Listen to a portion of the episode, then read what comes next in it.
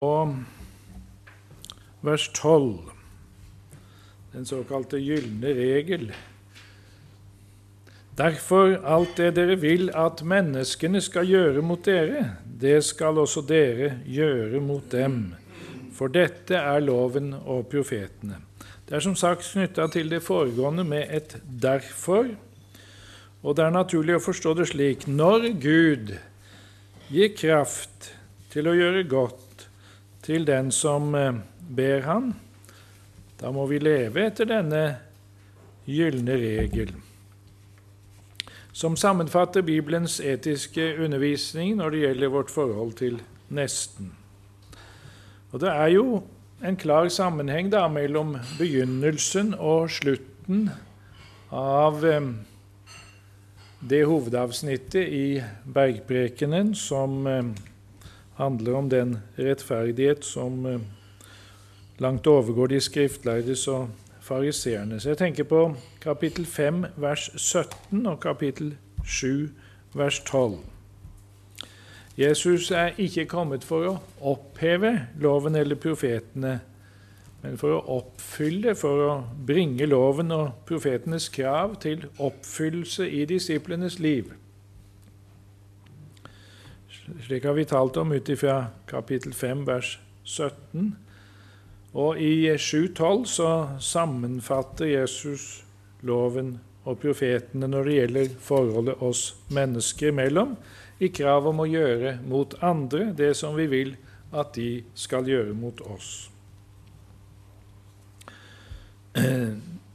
At dette sammenfatter kravet i loven og profetene når det gjelder vårt forhold til nesten, det ser vi jo også når vi sammenligner med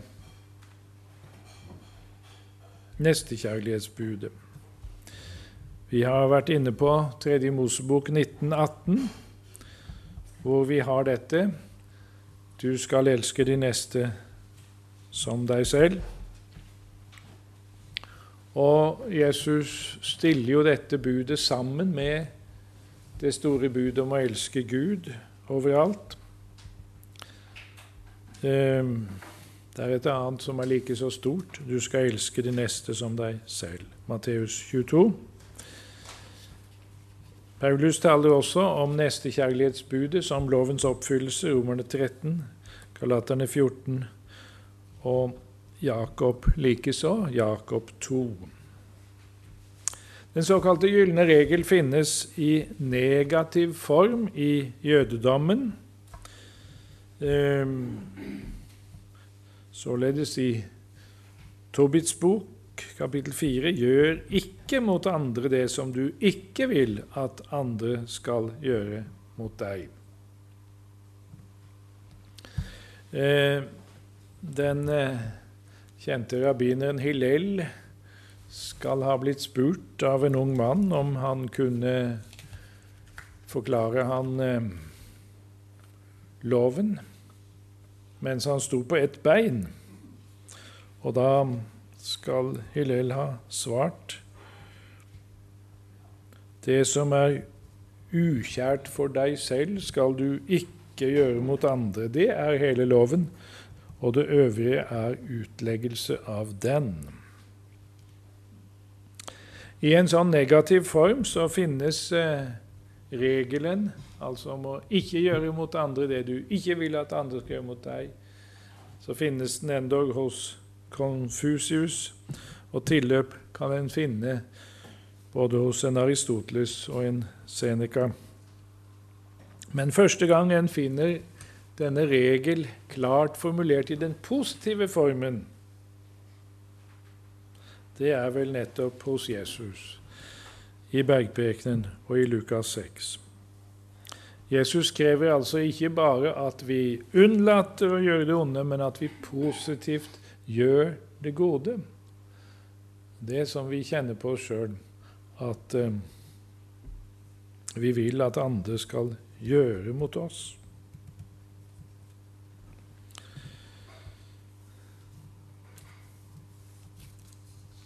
Dette er loven og profetene.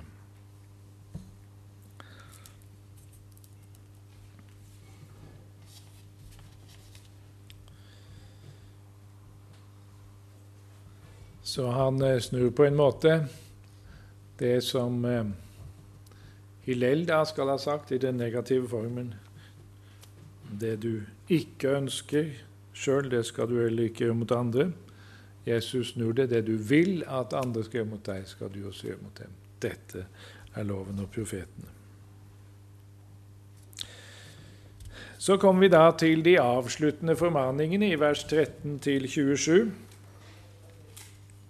Det er to veier, og det er to mål. Vers 13 og 14.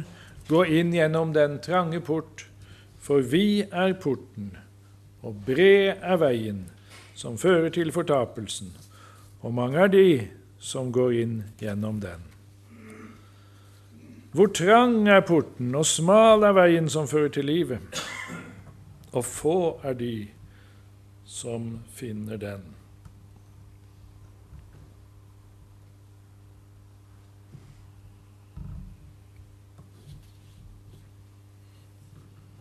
Jeg har valgt å oversette det slik. Ehm, det kan være noe variasjon der.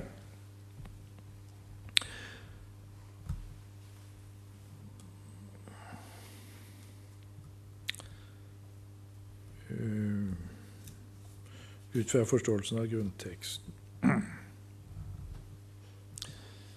Hvor trang er porten, og smal er veien som fører til livet og få er de som finner den.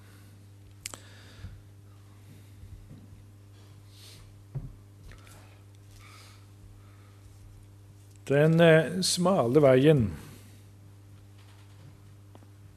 går eh, Jeg får bare skyte inn at når jeg leser 'hvor trang' istedenfor eh, 'trang er den veien' Nei, 'trang er den porten, og smal er den veien', så, så har det med noe variasjon i håndskriften å gjøre på ett et punkt.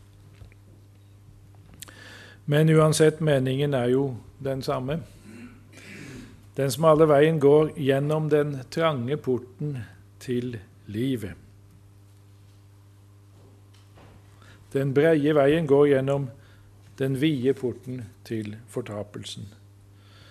Og Det vil si at det store skillet på dommedag går tilbake på det en velger her i verden, veivalgene her i verden. Sammenlign 5. Mosebok, kapittel 30.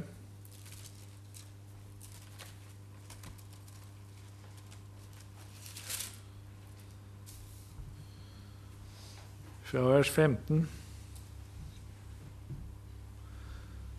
Se, jeg har i dag lagt fram for deg livet og det gode og døden og det onde.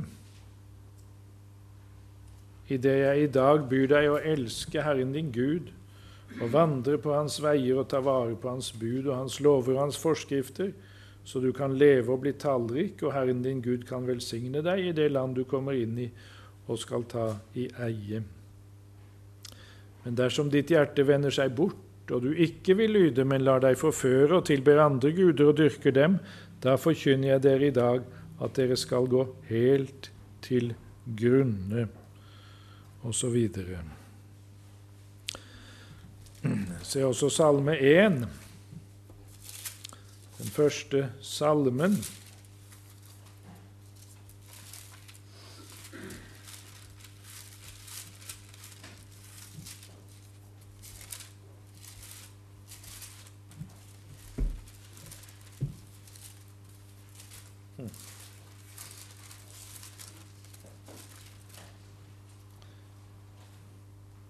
Der står det i det siste verset, Salme 1, vers 6.: For Herren kjenner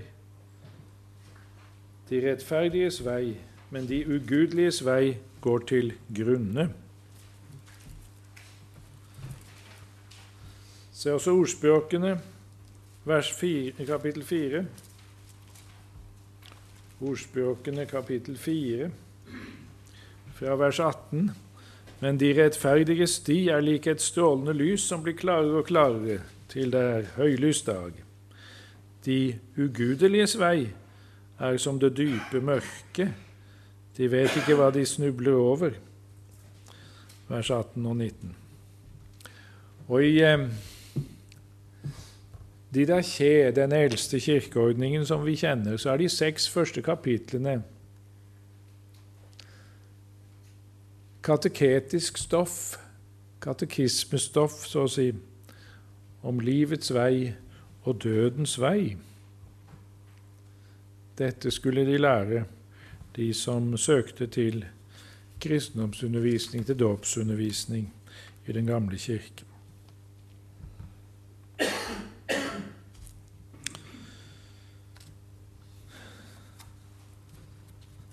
Den vide og den trange port En port kan jo være f.eks. en byport, en tempelport eller en fengsels, fengselsport. Jesus taler også om dødsrikets port i Matteus 16. Eh, en kan jo oppfatte det slik at eh,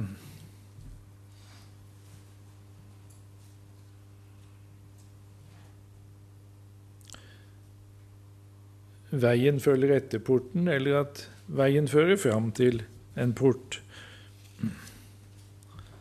Men det er vel eh, mest naturlig å tenke at porten fører til en vei.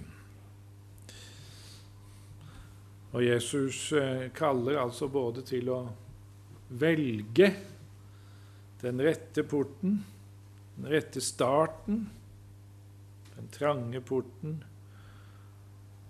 og gå på den veien som en da starter på, som er smal, men som fører til livet.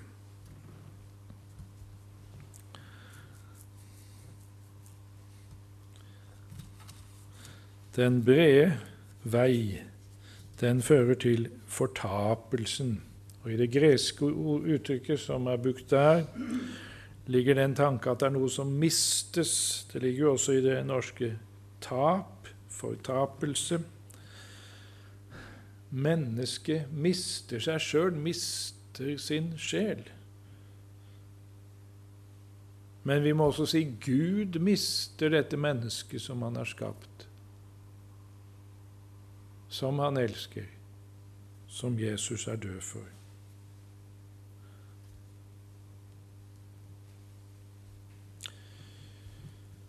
Få er de som finner den trange port og den smale vei. Den trange port og den smale vei ligger ikke synlig for alle. Nei, den er på sett og vis skjult. Jesus taler i kapittel 11 om at sannheten er skjult for de vise og forstandige, men åpenbart for umyndige. Den store masse ser ikke, kjenner ikke sannheten. Den enkelte må frelses ut av massen.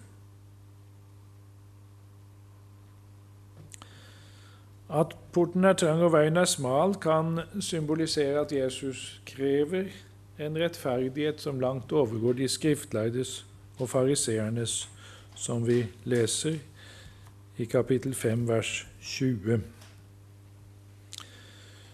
Men eh, det kan òg symbolisere trengsler, som han taler om i saligprisningene.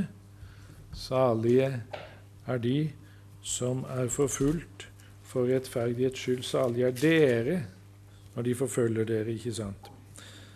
Se Matteus 5, vers 10-12. I eh, dette begrepet smal Um, vi ser om jeg lov å slå opp um, gresken her.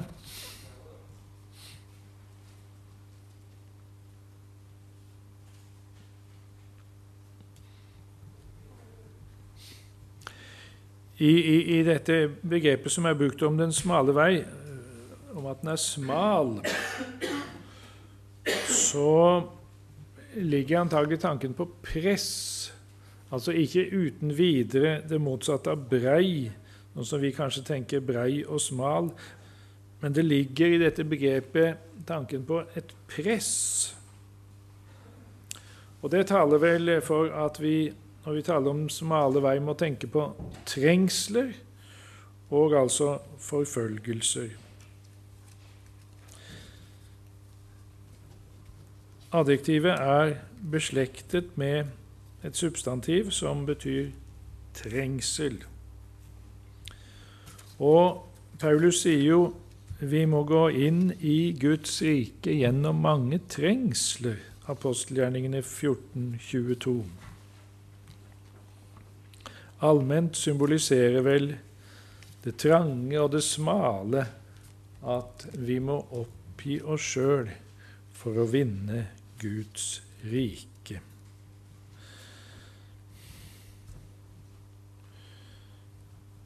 Vers 15-20. Vokt dere for de falske profeter som kommer til dere i fåreklær, men innvendig er glupske ulver. Av deres frukter skal dere kjenne dem. Sanker en vel vindruer av tornebusker, eller fiken av tistler? Slik bærer hvert godt tre gode frukter, men det dårlige tre bærer onde frukter. Et godt tre kan ikke bære onde frukter, og et dårlig tre kan ikke bære gode frukter. Hvert tre som ikke bærer god frukt, blir hogd ned og kastet på ilden. Altså skal dere da kjenne dem av deres frukter. Også dette avsnittet er en integrert del av bergprekenen som en programtale for Jesu disiplers liv, med formaningen til i samfunn med den levende Gud og la lyset skinne for menneskene, kapittel 5, vers 14, og dermed legge for dagen den bedre rettferdighet, kapittel 5, vers 20. Da er det også viktig å avsløre og avvise de falske profeter som ser ut som får som sauer. Dvs. Si at de tilsynelatende er Jesu disipler, men i virkeligheten er glupske ulver og fiender av Gud og hans folk.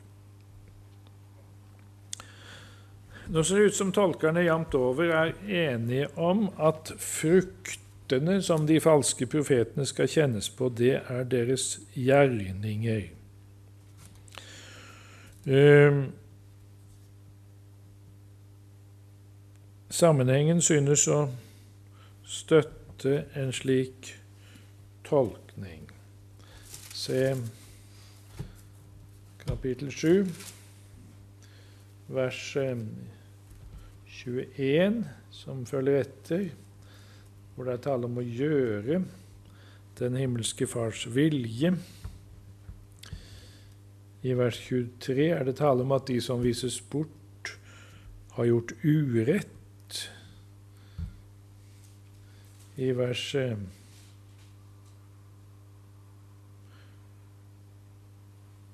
eh, er det tale om å gjøre etter Jesu ord, og i vers 26 om å ikke gjøre etter Jesu ord.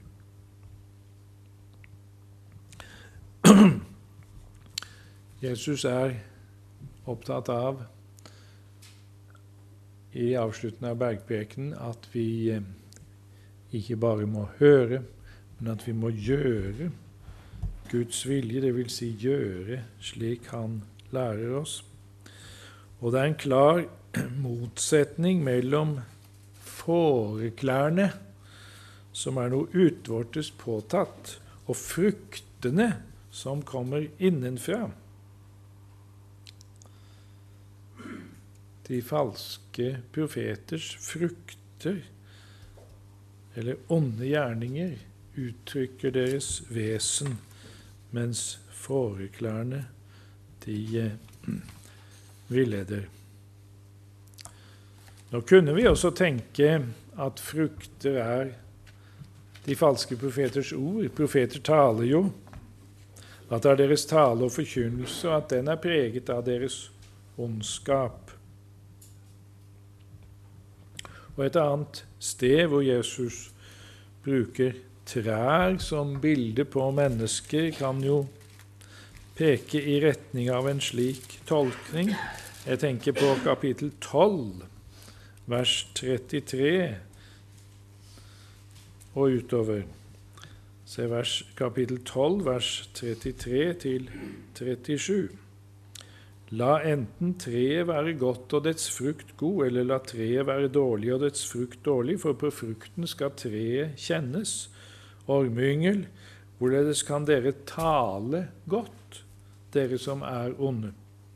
For hva hjertet flyter over ja, det taler munnen.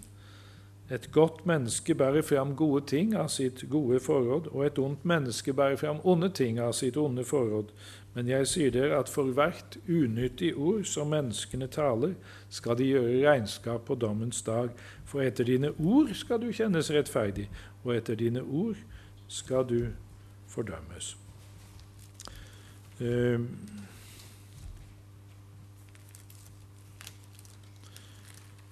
og når vi uh, snakker om falske profeter, så kan det ligge nær å trekke inn uh, tja, f.eks. Esekiel 22. Esekiel 22.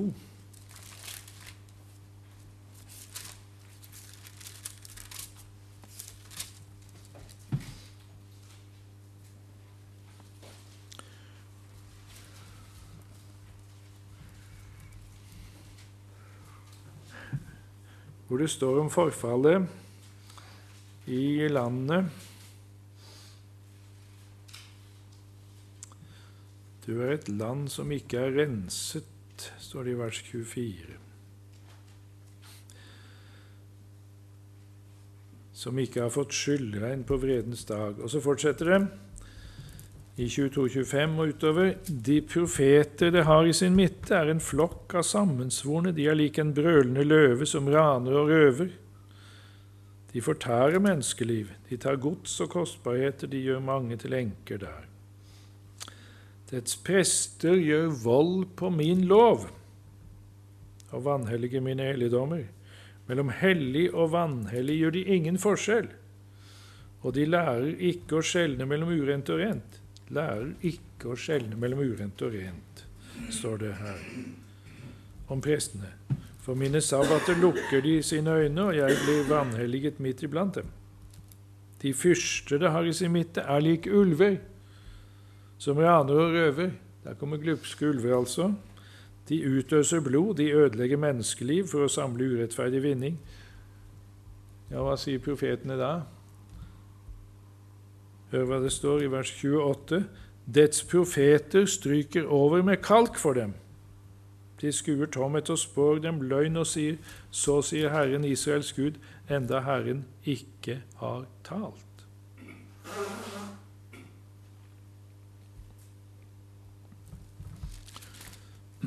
Vi kunne også nevne andre Peters brev, kapittel 2. Og det som står der om falske lærere Peter, 2. Eh, Peter 2, 1. Men det oppsto også falske profeter blant folket, altså allerede i, i um, gammeltestamentlig tid, like så, um, som det òg Blant dere skal komme falske lærere som skal lure inn vrange lærdommer, som leder til fortapelse, idet de endog nekter den Herre som kjøpte dem, og fører over seg selv en brå fortapelse.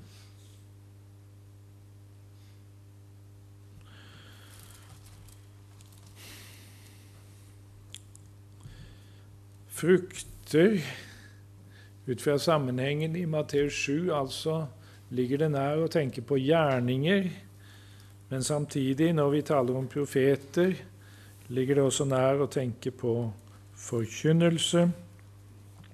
Frukter kan vel òg være bilder på resultater av deres virke. Vi kan trekke inn eh, andre Timotus brev, kapittel 2 her. 2. Timotius brev, kapittel 2. Og så kan vi se fra vers 14. Minn om dette i det du vitner for Herrens åsyn, at de ikke skal ligge i ordkrig til ingen nytte, men til undergang for dem som hører på.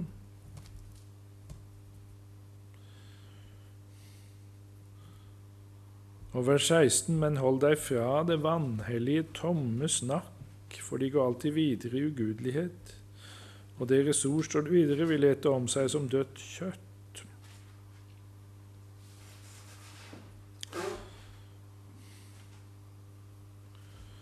Og i vers 23.: Og vis fra deg de dårlige og uforstandige stridsspørsmål, for du vet at de føder strid. Så der er det en del som eh, Timotius formannes til å ta kampen opp eh, med.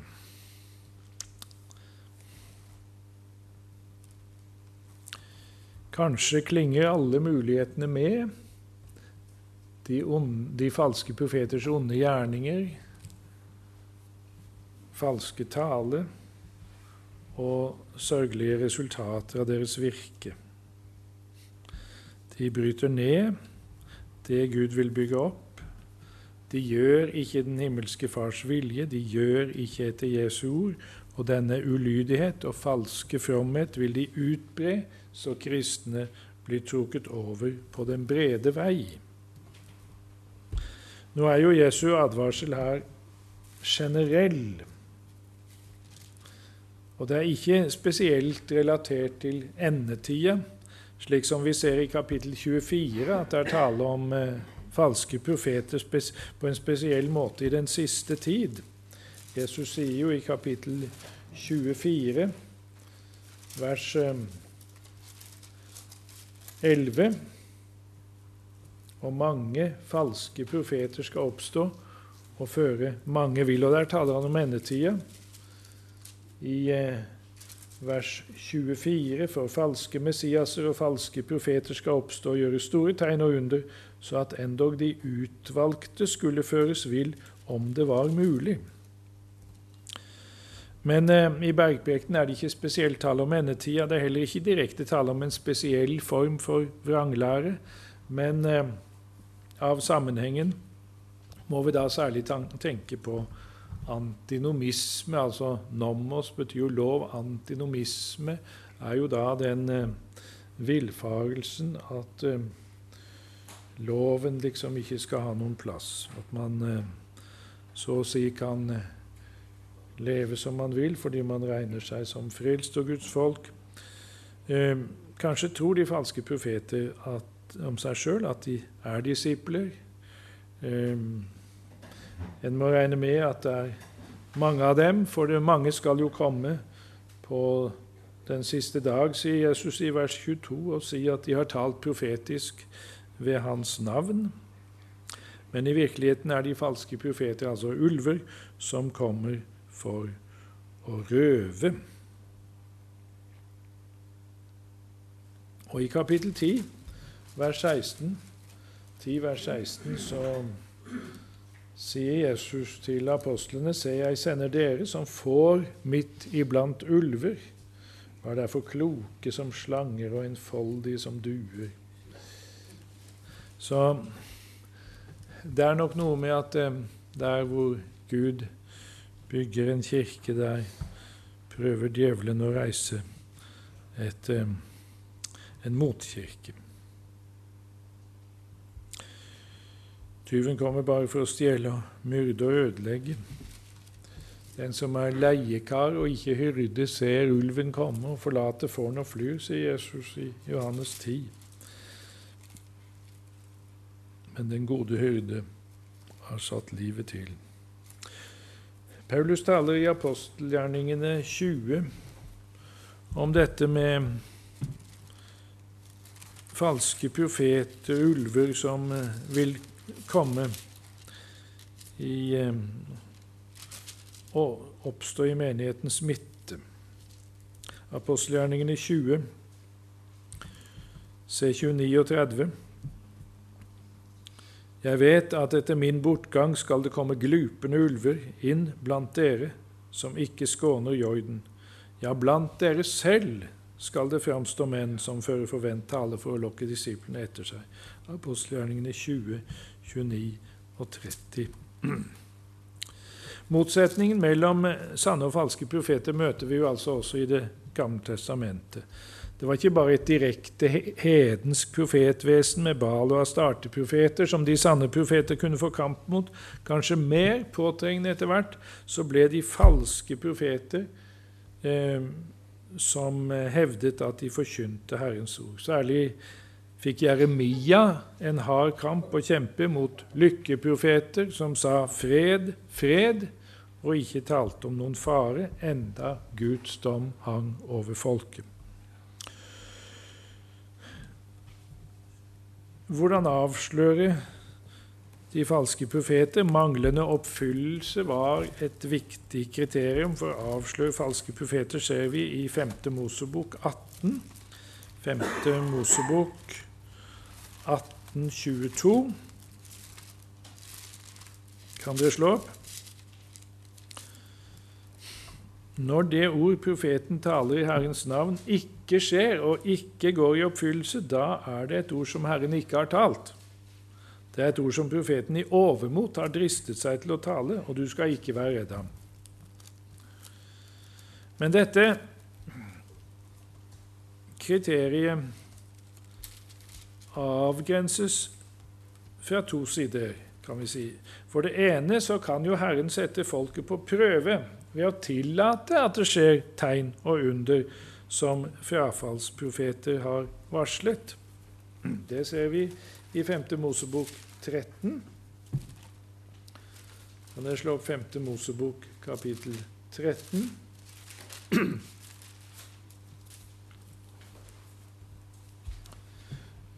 Når det står fram en profet i din midte, eller en som har drømmer, og han varsler deg et tegn eller et under, og det virkelig skjer det tegn eller under som han talte til deg om i det han sa, la oss følge andre guder, slike som du ikke kjenner, og la oss styrke dem. Da skal du ikke høre på denne profets ord eller på ham som hadde drømmen, for Herren deres Gud vil bare prøve dere for å kjenne om dere elsker Herren deres Gud av alt deres hjerte og all deres sjel. Og så leste vi vel nettopp fra Matteus 24 at falske profeter skal gjøre tegn og under. Så endog de utvalgte skal føres vill om det var mulig. Så altså For det ene kan Herren sette folket på prøve ved å tillate at frafallsprofeter gjør tegn og under. Eller at det skjer tegn og under som de har varslet. Og For det andre så er det ikke slik at sann profeti uten videre går i oppfyllelse. For historien blir jo formet ut fra forholdet mellom det profetiske ordet og menneskenes reaksjon på ordet, som vi så tydelig ser det hos Jeremia i kapittel 18. Dere må slå opp Jeremia 18.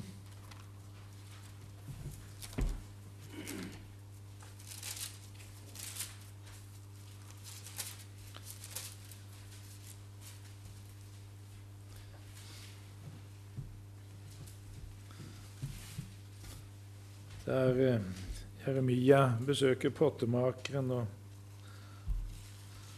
og det kan hende at pottemakeren må gjøre arbeidet om. Og så står det fra vers 7.: En gang taler jeg om et folk og et rike, at jeg vil rykke opp og rive ned og ødelegge. Men dersom det folk som jeg har talt om, vender om fra sin ondskap Vi husker jo Jonah kom til Ninive og forkynte og de, og de omvendte seg. Ja.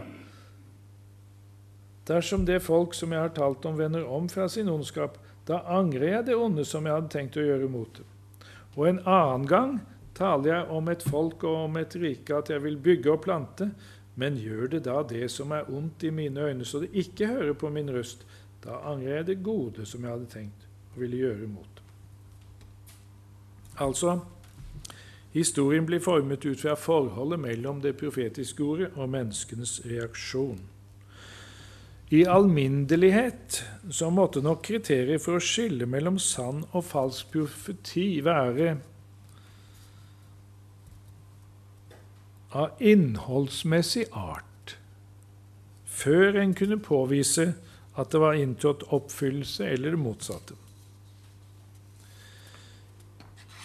Professor Seierstad sa det treffende på denne måten. Herrens sendebud kunne kjennes på botstonen og på den alvorlige bestrebelse på å bringe folkets hjerte i samklang med Guds vilje og hjerte. Slik skilte altså de sanne profeter seg klart ut fra løgnprofetene, lykkeprofeten, de falske, som forkynte fred og lykke uten bot. Altså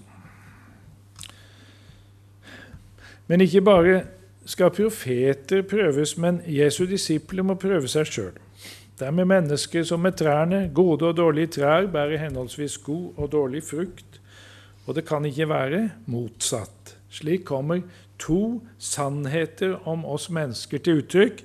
Menneskets vandel springer ut av dets art, dets vesen, dets hjerte. Og det enkelte mennesket er en helhet. Det er enten godt eller ondt. Det dreier seg om diametralt motsatte grunnholdninger.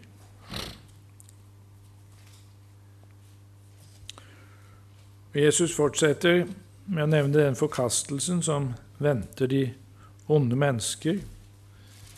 Eh, I billedtallens form, ikke sant, i eh,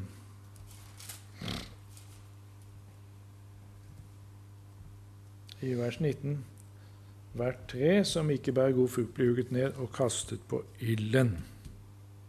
Ilden er bildet på Guds vrede, og helvete beskrives jo som et brennende sted, kjenner vi til. Derfor, eller da altså, kan vi oversette i vers 20, skal dere kjenne dem av deres frukter. Jesus griper der tilbake til vers 16 gjentar dette. Av fruktene skal dere kjenne dem.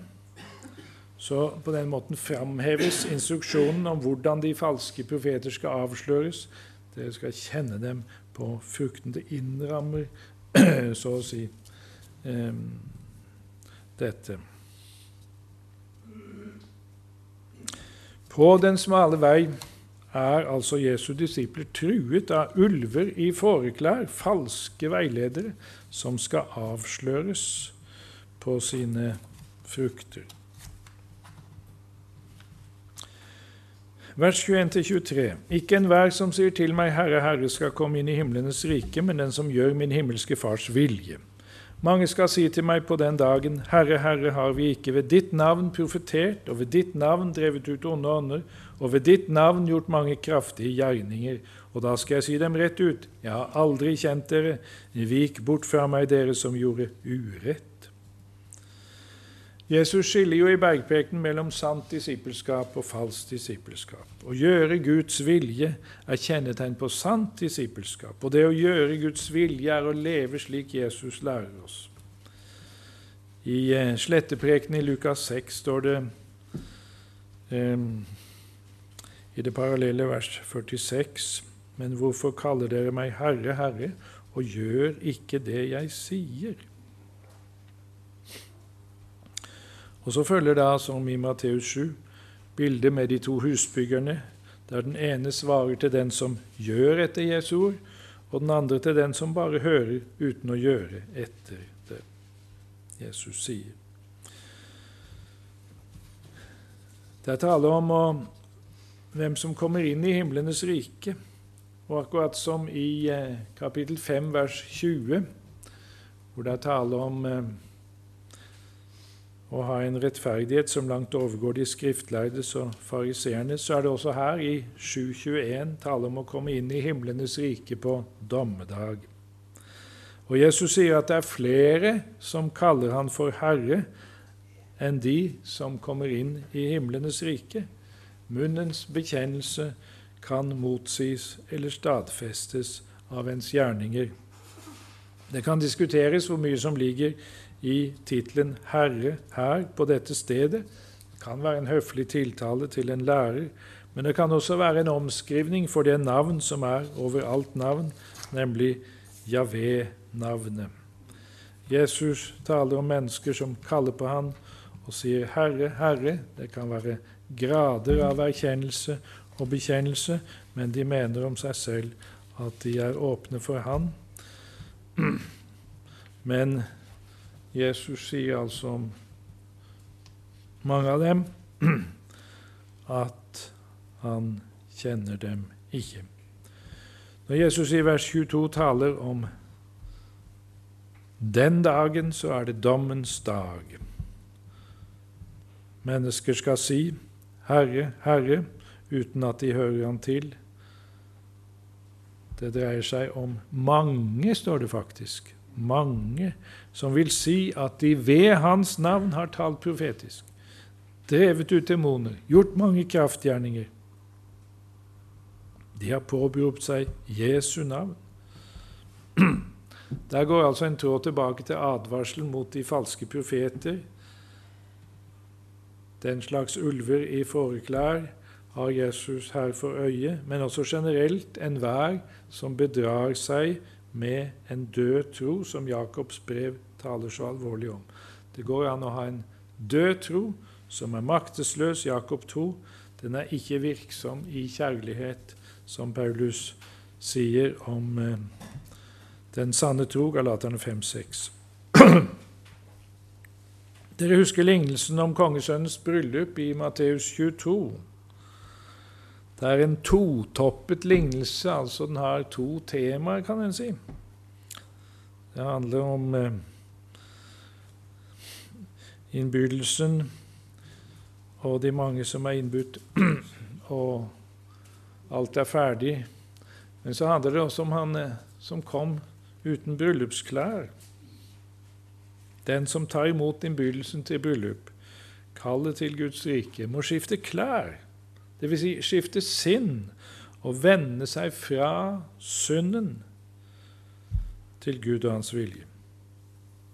Vel er den tilregnede rettferdighet, rettferdigheten ved troen, den bryllupsdrakt vi framfor alt trenger. Det står i Johannes' åpenbaring 7 om å ha tvettet sine kjortler og gjort dem hvite i lammets blod. Men denne, denne rettferdighet er uløselig forbundet med den faktiske livsrettferdighet. Det står i samme bok, kapittel 19, Johannes åpenbaring 19, om eh, det fine lin som er de helliges rettferdige gjerninger. Så det er så å si en basiskledning, grunnleggende, som alltid er uløselig forbundet med en ytterkledning. Eh, troen, den sanne tro, vil alltid bære frukt.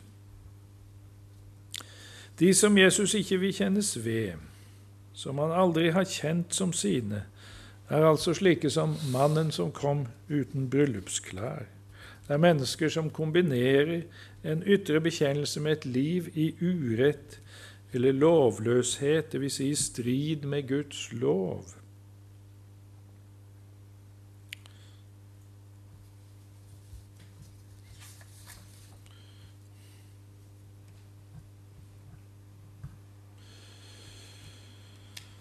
Vers 24-27. Derfor vær den som hører disse mine ord og gjør etter dem. Han blir lik en forstandig mann som bygde huset sitt på fjell. Og regnet skylte ned, og vannstrømmene kom, og vindene blåste og kastet seg mot dette huset, men det falt ikke, for det var grunnlagt på fjell. Og hver den som hører disse mine ord og ikke gjør etter dem, han blir lik en uforstandig mann som bygde huset sitt på sand. Og regnet skylte ned, og vannstrømmene kom, og vindene blåste og slo mot dette huset, og det falt, og dets fall var stort. Dobbeltlignelsen om de to husbyggerne er også med et 'derfor' knyttet til det foregående. Derfor. Å gjøre Guds vilje er å gjøre disse Jesu ord, som vi har, gjøre etter disse Jesu ord, som eh, han forkynner.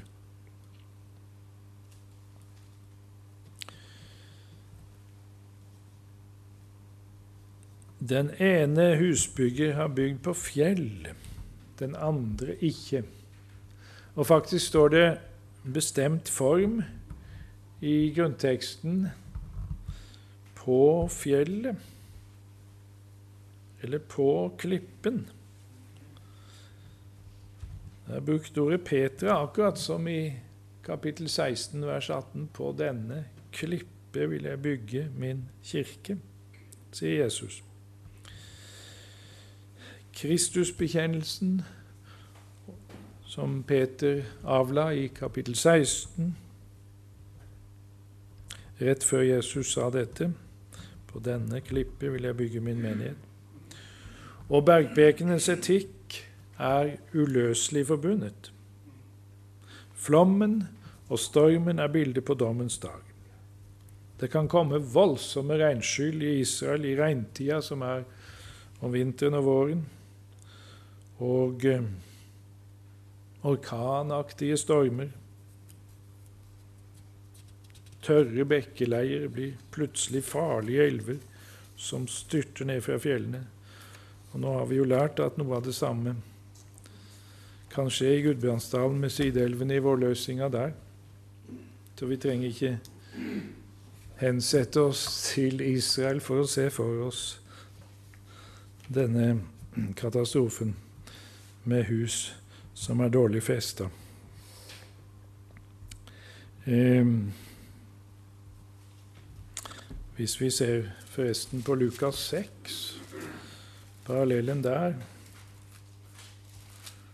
så er det ganske interessant at bildet er litt annerledes. Lukas 6 47-49. I 48 står det han er lik et menneske som skulle bygge et hus, og som gravde dypt ned og la grunnvollen på fjell. Og da det ble flom, brøt strømmen imot det huset, og den var ikke i stand til å rokke det, fordi det var godt bygget. Ehm, det er en forskjell mellom disse to tekstene. I Matteus, i bergprekenen, så er det tale om ehm, elver eller strømmer i flertall. På grunnteksten er det det. I eh, Lukas 6 er det entall. Elva som flommer. Og da kan en tenke seg elva som går ned i dalen. Og blir det flom, så bryter den mot huset. Mens eh, i Matteus kan vi se for oss disse veldige fossene som styrter ned fra fjellene i, i, i regntida. Um, ja vel. Men poenget er altså Det er ikke nok å høre. Akkurat som det ikke er nok å bekjenne med munnen, så er det heller ikke nok å være ordets hører. Som Jakob sier det i sitt eh, brev i det første kapittel. Vær ordets gjørere, og ikke bare dets hørere. Jakob 1. Vi slår opp der?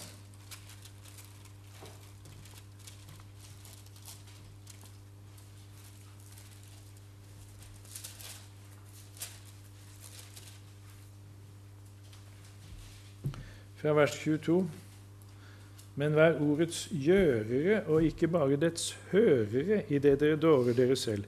For dersom en er ordets hører og ikke dets gjører, da ligner han en mann som ser på sitt naturlige åsyn i et speil. Han så på seg selv og gikk bort, og glemte straks hvordan han så ut. Men den som skur inn i frihetens fullkomne lov Unnskyld. Eh, den som skuer inn i frihetens fullkomne lov og holder ved med det, så han ikke blir en glemsom hører, men gjerningens gjører, han skal være salig i sin gjerning, står det.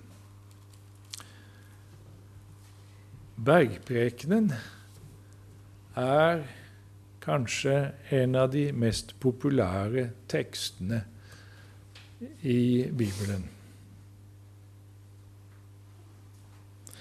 Jakobs brev er kanskje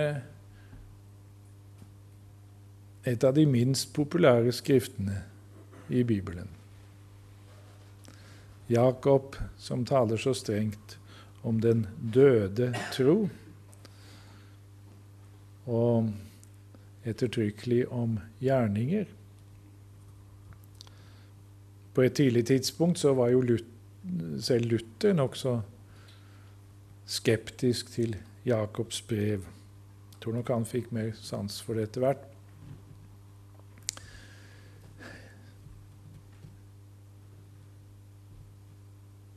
Jeg sier dette med tanke på at det er vel neppe noe annet skrift som minner mer om bergprekenen enn nettopp Jakobs brev. Og da må det være mange som ikke har skjønt sammenhengene.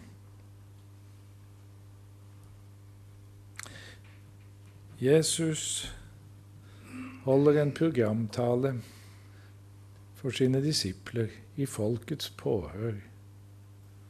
Han priser sine disipler salige og erklærer at de er jordens salt og verdens lys. Og han tegner opp programmet for et liv som eh, i rettferdighet over, langt overgår de skriftlærdes og fariseernes rettferdighet. Og så kan vi på mange måter kjenne igjen tonen og uttrykk fra bergprekenen og Jesu undervisning i Jakobs brev. Jesu bror, som kjente han så godt eh, og som sto der som leder av menigheten i Jerusalem.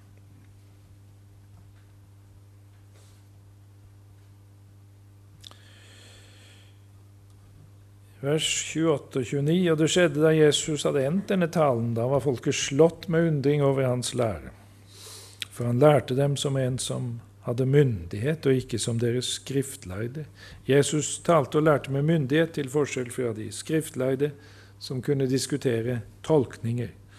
Han talte også med en myndighet som overgikk profetenes. De kunne jo si 'Så sier Herren', men Jesus talte sine egne ord med sin egen autoritet og sa 'Jeg sier dere'. Det vitner jo om hans guddom. Himmel og jord skal få gå, men mine ord skal aldri få gå, sier han. 24, 35 når han kunne tale om å lide ondt for hans skyld, kapittel 5, vers 11. Når han kunne tale om at hans ord på dommedag er avgjørende, om at mennesker påberoper seg og har virket i hans navn, så vitner det også om at det er Gud vi står overfor.